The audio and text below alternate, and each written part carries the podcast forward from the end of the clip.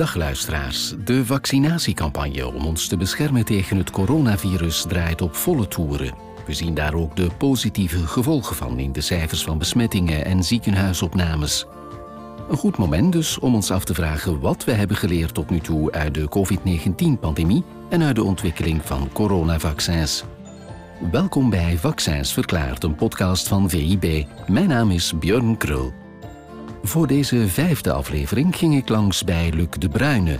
Naast Peter Piot en Pierre van Damme is hij één van de Belgen die tot de internationale topexperts behoort als het over vaccinontwikkeling gaat. De Bruyne kan dan ook terugblikken op een lange carrière bij farmabedrijf GSK. Van 2013 tot eind 2018 leidde hij er de wereldwijde vaccinafdeling. Vandaag is Luc de Bruyne nog steeds actief in de vaccinwereld en geeft hij advies aan verschillende instanties. Hij is onder meer strategisch adviseur bij CEPI, een wereldwijde coalitie die initiatieven neemt rond innovatie in het kader van epidemieën en vaccins. CEPI is de Coalitie for Epidemic Preparedness Innovations. Dat is eigenlijk een, een multilaterale organisatie die gecreëerd werd in 2017 met het World Economic Forum, Bill and Melinda Gates Foundation, Frankrijk, India, van een aantal landen omdat men wou voorkomen dat epidemieën nog zouden zo'n impact hebben zoals ebola in West-Afrika. 2017, na de slechte ervaringen, want de wereld was niet voorbereid om daarmee om te gaan. En dus dat werd gecreëerd, maar dat was om epidemieën te maken dat we versneld vaccins ontwikkelen, zodat die epidemieën geen pandemieën worden. Dat is heel wat anders dan wat we dan meemaakten en eigenlijk ook naar het appel geroepen werden om te helpen met CEPI. Namelijk, we zijn in een crisis, er is een pandemie, namelijk COVID-19. En wanneer zijn jullie dan benaderd geweest? Uh, begin januari al. Dus de meesten herinneren zich maart, maar dat was eigenlijk al wanneer lockdowns werden afgeroepen. Maar eigenlijk waren we al van begin januari, want u weet, de genetische code werd eigenlijk heel snel gedeeld met de wetenschappers wereldwijd die daarmee aan de slag konden. Wat hebben jullie vanuit CEPI dan ondernomen? Want aan jullie werd hulp gevraagd vanuit Wuhan. Inderdaad. Wat we gedaan hebben is eigenlijk onmiddellijk met diegenen die al aan de slag wouden met die genetische code. En dat was bijvoorbeeld het bedrijf Moderna in eh, Boston, die eigenlijk een messenger RNA, mRNA-vaccin eh, zouden ontwikkelen. Die hadden daar al jaren onderzoek op gedaan op mRNA voor oncologie, voor kankerbehandelingen en zo. Die hebben onmiddellijk die genetische code genomen en proberen een vaccin te ontwikkelen, een prototype. En wat CEPI gedaan heeft, is een financiering om al klinisch materiaal, namelijk het vaccin, te maken, zodat een fase 1 klinisch onderzoek zou kunnen starten. Luc, als je daar nu naar kijkt, naar die vaccinontwikkeling met al jouw ervaring, het is heel snel gegaan hè, deze keer. Hoe komt dat eigenlijk dat het zo snel kon gaan? Het is ongelooflijk snel gegaan. Uh, toen men mij vroeg, een jaar terug van zullen we een vaccin hebben tegen het einde van het jaar? Want herinner, Trump zei tegen het eind van het jaar hebben we een vaccin. Dan waren mensen zoals Paul Stoffels, ikzelf, Peter Piot, wij waren eerder overtuigd als, we het, als alles lukt, dan hebben we waarschijnlijk juni 2021 een vaccin. Dus we zijn verslagen door de tijd. Maar laten we duidelijk zijn, we hebben een ongelooflijke wetenschappelijke samenwerking gezien, zowel van wetenschappers wereldwijd, overheden die een blanco cheque uh, gegeven hebben om dat uh, te investeren. Prioriteit gezet overal. Het werd overal als eerste behandeld. En ook de regelgevende autoriteiten, die normaal gezien eigenlijk maar in een later stadium daarbij betrokken worden, werden vanaf het begin betrokken om te zeggen: wat willen jullie zien aan efficiëntie, aan veiligheid, omdat we dat vaccin snel zouden kunnen ontwikkelen. Dus er werden heel veel risico-investeringen gedaan, want uiteindelijk wisten we niet of dat het zou werken of niet. Maar dus ongelooflijke samenwerking op het vlak van wetenschappen. Hoe groot is de factor geluk geweest? Je moet altijd wat geluk hebben in, in onderzoek, want anders zou het, veel te mak zou het makkelijk zijn. Het is niet makkelijk. Maar laten we niet vergeten, we zeggen wel dat we een vaccin ontwikkeld hebben in, laten we zeggen, 300 dagen. Maar eigenlijk klopt dat niet helemaal. Daar gaan jaren onderzoek aan vooraf. Bijvoorbeeld dat RNA-vaccin dat ontwikkeld is, Moderna Pfizer. Eigenlijk is men daar al tientallen jaren mee bezig, zowel voor cel- en uh, gentherapie als voor kankertherapie. En vandaar dat men al heel wat kennis had om dan een versnelde ontwikkeling te doen van een COVID-19-vaccin. Ja, die vaccins die zijn in zeer korte tijd ontwikkeld geweest. Ja, de ontwikkeling is één zaak, maar dan moet je ze ook kunnen gaan produceren wereldwijd op grote schaal. Was de farmasector daar klaar voor? Het antwoord is nee. Want het is niet zo dat de farmasector fabrieken heeft die staan te wachten tegen dat er een pandemie is om dan vaccins te produceren. En om even een idee te geven, om, om een cijfer te, te gebruiken. In normale omstandigheden, dus buiten COVID-19, produceert de wereld ongeveer tussen de 3 en de 5 miljard dosissen vaccins. De nood die er nu is, de vraag om, laten we zeggen, de wereld te vaccineren en te beschermen tegen COVID-19, is tussen de 10 en de 12 miljard. Laten we duidelijk zijn, die moeten bovenop die 3 tot 5 miljard routinevaccinaties, die moeten verder gaan. Pasgeborenen moeten blijvend gevaccineerd worden uh, en, en zo verder. Dus dat is een enorme uitdaging en de wereld was daar absoluut niet voor uh, voorbereid.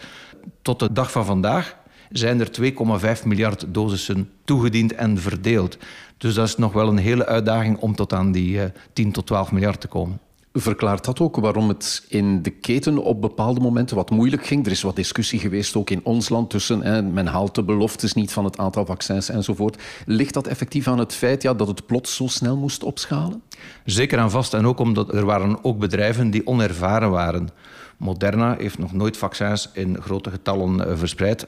AstraZeneca is wel een heel groot farmabedrijf, maar is eigenlijk geen vaccinbedrijf. En die hebben zich dus moeten uh, beroepen op een netwerk van producenten. Men noemt dat uh, CMO's, Contract Manufacturing Organizations.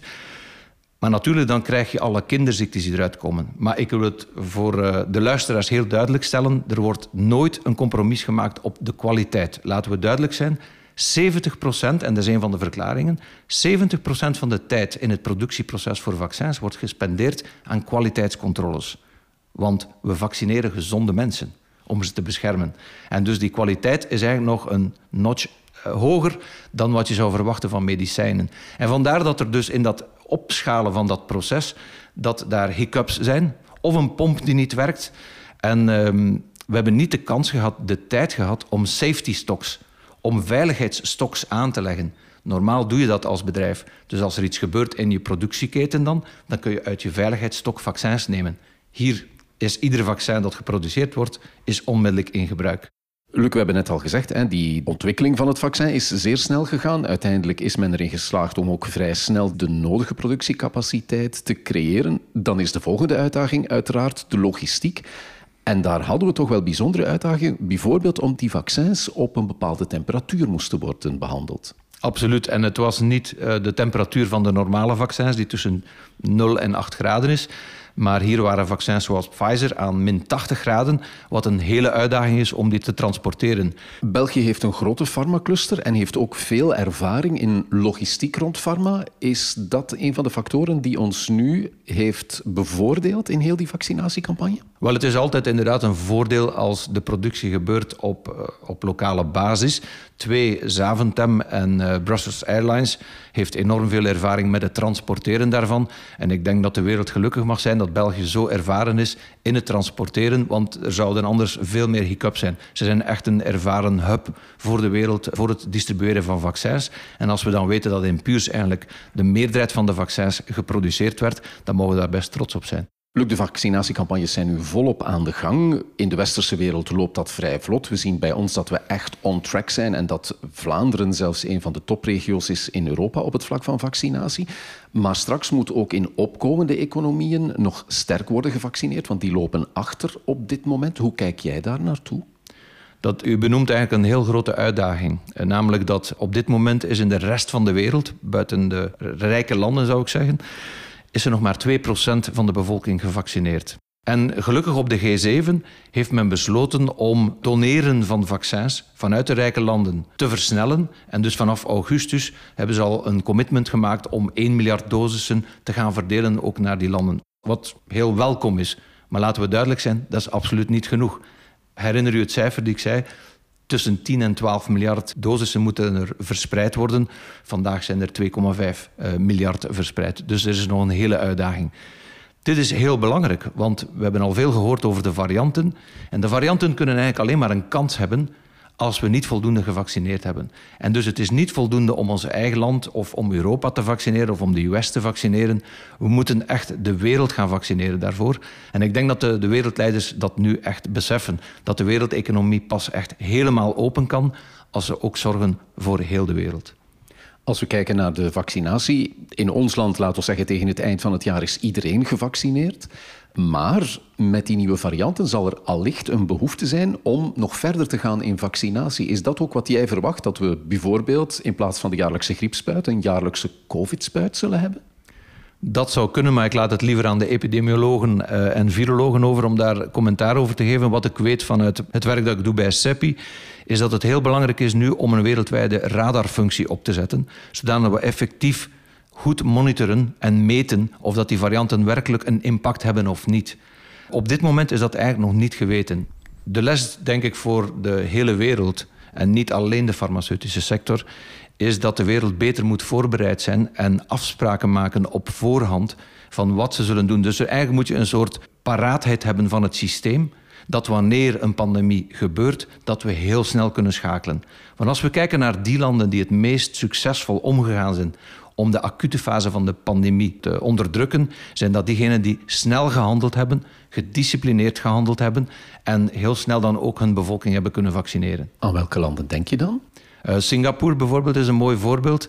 Uh, mijn zoon woont en werkt in Dubai, uh, Verenigde Arabische Emiraten. Heel gedisciplineerd, heel snel face mask, social distancing toegepast. En hij is 28 jaar en is al twee keer gevaccineerd. Maar ik denk dat we allemaal zullen geleerd hebben dat we eigenlijk moeten een draaiboek hebben om heel snel te kunnen handelen en ook wat betreft wat we daar pas besproken hebben, namelijk de faire verdeling van de vaccins wereldwijd. Als je dat moet afspreken tijdens de crisis, is dat een onbegonnen zaak. Als je daar vooraf duidelijk afspraken over gemaakt hebt, dan heb je meer kans dat dat op een faire en correcte manier zal gebeuren. We hebben dit soort uitbraken van virussen al eerder gezien. Ik denk aan SARS en MERS in Azië. Hebben we daar te weinig aandacht aan gegeven, bijvoorbeeld vanuit Europa, omdat het nooit tot hier is geraakt? Zeker. Eh, ik denk dat dat een eh, goede conclusie is. Men denkt altijd dat het een ver van mijn bedshow is. Ook ebola West-Afrika dan willen de rijke landen dat dat zeker niet tot bij hen komt om inderdaad de economie te verstoren. Ik denk dat dit nu toch wel de eerste keer is dat we echt een wake-up call hebben, dat het iedereen raakt. De pandemische griep in 2009 was al, hakte er al in, maar is eigenlijk niet echt doorgebroken. En dan had je een omgekeerde reactie. Dan werd er eigenlijk kritiek gegeven op die landen die vaccins gestockeerd hadden. Dan was het zo van, ja, waarom heb je dat gedaan? Dat is verloren geld. Ik denk dat de wereld nu zal inzien dat je het moet zien als een verzekeringspolis.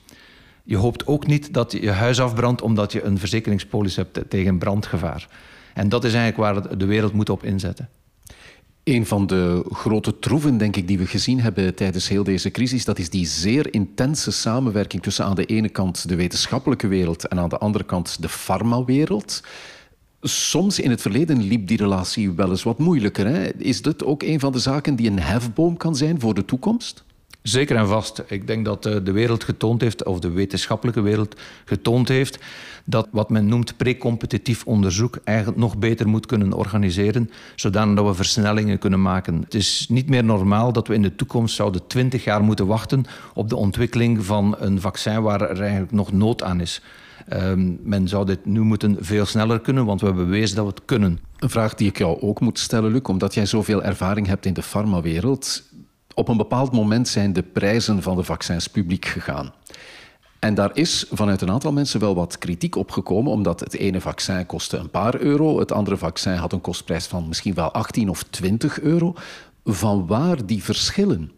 De verschillen zitten hem echt in de basis van het proces. Natuurlijk, ik bepaal niet de prijspolitiek van de verschillende bedrijven, maar laten we duidelijk zijn, dit zijn geen prijzen waar de bedrijven grote winsten op maken.